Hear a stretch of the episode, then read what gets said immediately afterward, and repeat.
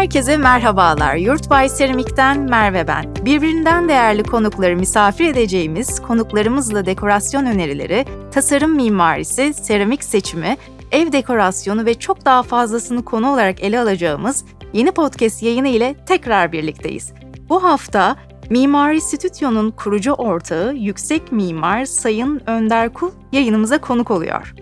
Önder Bey ile bu hafta mimarlık ve tasarımda insan odağı well-being konusunu ele alacağız. Kendisine davetimizi kabul ettiği için de ayrıca çok teşekkür ediyoruz. Teşekkür ediyorum ben de nazik davetiniz için Merve Hanım. Ne demek rica ederiz. Aklınızdaki sorular ya da ele alınmasını istediğiniz konular için bizlere info.yurtbay.com adresi üzerinden her zaman ulaşabilirsiniz. Önder Bey merhaba, hoş geldiniz. Umarım iyisinizdir. Hoş bulduk, çok teşekkürler. Pandemi şartlarında kendimizi azami olarak koruyarak hayatımıza devam ediyoruz. Sizler de iyisiniz umarım. İyiyiz, çok teşekkür ediyoruz. Bizler de aynı şekilde. Bu hafta sizlerle mimarlık ve tasarımda insan odağı, well-being konusunu ele alalım istedik. Keyifli bir sohbet geç- geçireceğimizi umarak hemen ilk sorumu yöneltmiş olayım. Well-being nedir? Nasıl tanımlayabiliriz?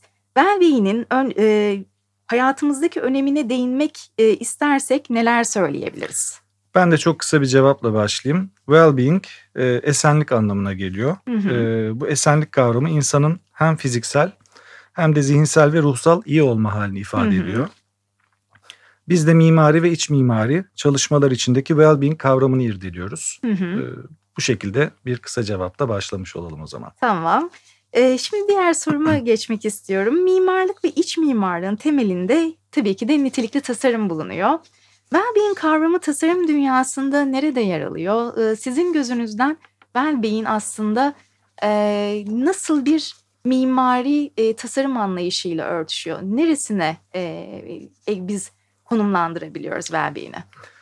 E, son dönemde çok fazla kavram olarak karşımıza çıktı ve özellikle şirketler e, bu kavram üzerine irdelemeye başladılar. Çevresel esenlik, duygusal esenlik, mesleki esenlik, sosyal esenlik Hı hı. hatta finansal esenlik gibi alt başlıklarda da bu konular hı. tartışılmaya başlandı. Ama biz mimari ve iç mimari olarak e, bu kavramı irdelemeye çalışıyoruz. Hı hı. Burada iki koldan size yanıt vermeye çalışayım.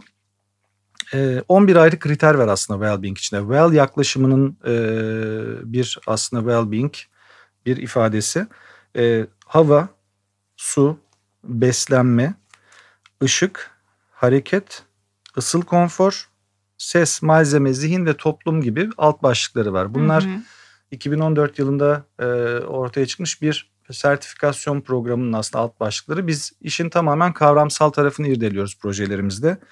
Nitelikli bir mimari proje çalışmasında tasarım sürecinin içinde planlama aşamasından başlayarak ele alınan, işin tamamlanmasına kadar süren ve hatta sonrasında o yapı ya da yapı gruplarının içinde yaşanmaya devam ettiği yıllar içinde de izlenen bir yol diyebiliriz. Hı. Ee, örneklemeler gerekirse beslenme kriterinde mimari projenin gerçekleşeceği alanın alanın belirli bir yarıçap içindeki mesafesinde sağlıklı besine ulaşılması hedefleniyor ve buradan e, e, projemiz aslında puan alıyor. E, yine kent yaşamı içinde sağlıklı besine ulaşabileceğimiz en yakın noktalar işte marketler, süpermarketler olabiliyor. Hareket kriteri dediğimiz kriterde proje kapsamında sağlıklı yaşamı destekleyecek yürüyüş, koşu, bisiklet parkurları planlanması, e, böyle bir fiziksel olanak yok ise belirli bir yarıçap içinde bu aktiviteleri bulunduran alanlara yakınlık sağlanabilmesi yine puana e, bu projelere puantaj anlamında bir katkı sağlıyor ama iç mekanda da biz şu an en çok onu konuşuyoruz aslında. Hava kriteri mekan işte doğal havanın alınmasını temeline alıyor ve bunu destekleyen tüm adımları kapsıyor. Aydınlatma ışık dediğimizde mekanın ya da binanın günün her saatinde azami gün ışığından faydalanması önceliklendiriliyor. Su kriterinde sağlıklı e, temiz suya ulaşım, e, hareket kriterinde bina ya da mekan kullanıcılarının bu hangi fonksiyon olursa olsun Hı hı. harekete teşvik edilmesini irdeliyor. Gıda kriterinde o mekanda ya da o binada, o kurumda verilen besinin en hızlı, en direkt ulaşım yolları ve temiz olarak ulaşım Hı hı. yolları irdeleniyor. Konfor kriterinde ergonomik e, ürünlerden tutun e, akustik konfora, ıssal konfora gidiyor. Bu şekilde aslında çoğaltılabiliriz e, Anladım. maddeleri. Peki Önder Bey çok böyle ara bir sorum olacak kısa. Ee, Türkiye'de kentsel projelerde e, çok yakından tanıştık mı artık biz bu kavramla e, yoksa hala böyle adımlarımız böyle e, yavaş yavaş mı ilerliyor? E, 2014 yılında dünyada e, ortaya çıkmış bir e, yaklaşım bu bir sertifikasyon Hı-hı. programı. Burada da bunun üzerine çalışan gruplar, firmalar var. Birkaç yıl önce bununla ilgili bazı projeler söz konusuydu ama yaygınlaşması biraz daha zaman alacak. Hı. Özellikle sürdürülebilirlik, yeşil bina sertifikasyonları Hı. gibi önümüzdeki yıllarda zannediyorum, öyle tahmin ediyorum. E, daha da konusu e, genişleyecek Gündeme diye gelecek. tahmin ediyorum. Evet. Diğer bir sorumu yöneltmek istiyorum Önder Bey. Wellbeing kavramını özgün kılan, onu diğer kavram ve yaklaşımlardan ayıran özelliği nedir? Ee, şöyle aktarayım. Ee, bugüne kadar ortaya konulan çalışmaların, tamamlanan projelerin aslında ne kadarı e, insanı gerçekten odağına alarak hı hı. ortaya konuldu? E, belki bu soruyu sorabiliriz e, bu cevaba başlarken. Bu soru özellikle pandemiyle birlikte tüm e, tartışanlar kadar hı hı. tasarım camiası içinde de e, uzun soluklu bir tartışma ortamı açtı diye düşünüyorum.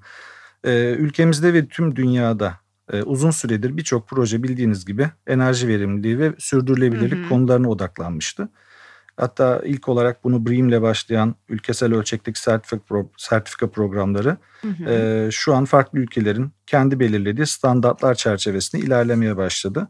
E, bu oldukça pozitif ve yaygın bir yaklaşım. Tabii yeşil binalar üzerine yürütülen bu çalışmaların yanında dünyada yeni yaklaşımlar da ortaya çıkmaya başlamıştı. Well de aslında bunlardan bir, bir tanesi. tanesi ve pandemi sonrası belki de en çok konuşulan farkında olumlu. Evet, evet, aynen. Peki diğer sorumu sormak istiyorum Önder Bey. Şimdi e, well-being kavramının özellikle çalışanların buldukları yapılar içindeki yansıması nedir? Bu konuda nasıl geri dönüşler alıyorsunuz? E, farklı ülkelerdeki projelerde karşımıza çıkmaya başlayan bu well yaklaşımı hı hı. mimari ve iç mimari projelerde insan sağlığı ve esenliğini destekleyen ve geliştiren belli kuralları ve takip edilmesi gereken yöntemleri ortaya koyuyor.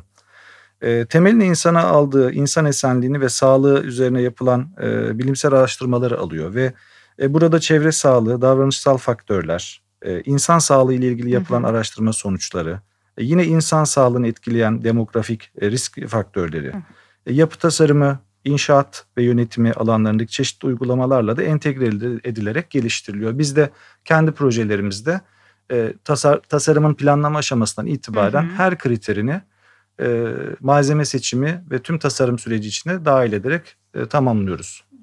Ben burada bir tane soru yöneltmek istiyorum. Ee, burada yok ama ekstradan e, Tabii ki. E, çektiği için. Şimdi biliyorsunuz böyle artık yüksek binalar işte e, evlerin daha çok böyle e, birleşik olduğu, yan yana olduğu ya da işte e, sosyal alanların biraz daha az olduğu e, böyle yapılar e, gözümüze çarpmaya başladı. Özellikle kozmopolit yapılarda. E, peki Wellbeing bunu nasıl yorumluyor? Yani e, bunun içerisinde nasıl konumlanabilir ilerleyen dönemlerde? Aslında insan esenliği dediğimizde hı hı. o mekanı kullanan kullanıcının hissettikleri, fiziksel, ruhsal ve zihinsel olarak hissettikleri ön planda. Hı hı. Bu bir ofis yapısı olabilir, bu bir konut olabilir, bu bir ağırlama alanı olabilir. Bu bir sağlık yapısı olabilir hiç önemli değil. Hı hı. Netice itibariyle bu binaların birer kullanıcıları var. Farklı yaş gruplarından evet. ve farklı kuşaklardan. Ee, ve o e, kullanıcıların da farklı ihtiyaçları var. Doğru. Bu son dönemde doğal havalandırma denmesinin, doğal aydınlatma denmesinin hı hı. aslında e, sebepleri yıllardır belli. Hı hı. Her insanın ihtiyacı olan bir konu ya da doğayla irtibat kurma, yeşile ihtiyaç e, duyma hı ve yeşille yeşil ve doğayla temas etme. İşte bu dış mekanda çalışma, dış mekanda insanın irtibat kurması gibi konular son dönemde her ne kadar çok irdelense de bizim yıllardır e, sürekli söylediğimiz, konuştuğumuz konular bunlar. E, tabii bu şekilde e, bir e, gerçek olarak ortaya çıkması da bir yandan biraz ironik ama e, zannediyorum ki ilerleyen dönemde gerek mevcut yapı stoğu, gerek kentsel planlama tüm ölçekteki çalışmalarda e, kendine yer bulacak, irdelenecek ve projelerde daha fazla karşımıza çıkacak diye düşünüyorum. Diğer bir sorumla devam etmek istiyorum Önder Bey. Well yaklaşımının detayları içinde biyofilik tasarım ve biyofilik tasarım içindeki 14 kriteri okumuştum. Bunu biraz açıklamanız mümkün müdür? Ee, şöyle ki insan varoluşu itibariyle sahip olduğu yaşamını devam ettirebilme, hayatta kalma, besine ulaşma, korunma ve benzeri içgüdüleri genetik bir miras olarak günümüze kadar gelmiştir. biliyorsunuz. İnsanın bulunduğu yapılı çevrede rahat görüş açısına sahip bir yerde oturma isteği, tehlikelere karşı korunmasına, sırtını güvenli bir yere yaslama isteği, sığınma ve kendini güvende hissetmesine, iç mekanda değil dışarıda olma ya da suya besine daha yakın olma istekleri de e, yine insanın e, doğadan gelen güdülerinden, içgüdülerinden e, örneklendirilebilir. Bu bir genetik miras. Özellikle pandemide daha da iyi anladığımız bir konu var. Yani nasıl bir çevrede olmak ve yaşamak istersin sorusuna bir kentlinin doğrudan doğayı ve doğal yaşamı işaret eden yanıtlar vermesi de biliyorsunuz artık çok e, Doğru. olası. Zira insan her geçen yıl doğadan ve doğal yaşamdan uzaklaşıyor ve bu da ilerleyen yıllarda insan doğa irtibatının daha zayıflayacağını ve insanların mekanlar için mücadele edeceğini bize gösteriyor. İşte hı hı. biyofilik tasarım yaklaşımı dediğimiz konu burada devreye giriyor. Hı hı.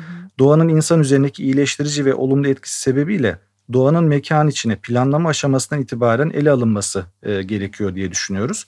Biyofilik tasarımda aslında bunu bu şekilde irdeliyor. Görüyoruz ki artık doğa tasarıma ilham kaynağı olmakta biyolojiden alınan veriler tasarım çalışmaları bünyesinde ele, ele alınmakta.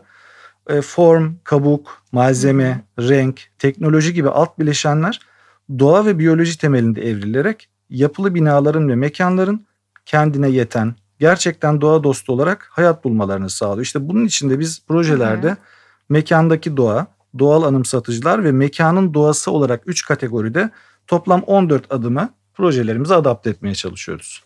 Bu değerli bilgiler için çok teşekkür ediyorum Önder Bey. Gerçekten aslında çok keyifli bir e, konuymuş. Yani e, çok benim de dikkatimi çekmişti.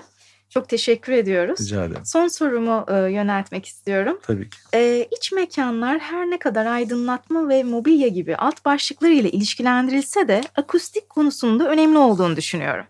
Bu konuda siz ne düşünüyorsunuz Önder Bey? Ee, Bildiğiniz gibi Well yaklaşımında bir ses kriteri hı hı. var. Ee, bu ses kriterinde bina ölçeğinde baktığımızda binaların hı hı. akustik tedbirleri ön planda tutulmakta ve planlanan binaların çevresel gürültü kontrolleri irdelenmekte. Hı hı.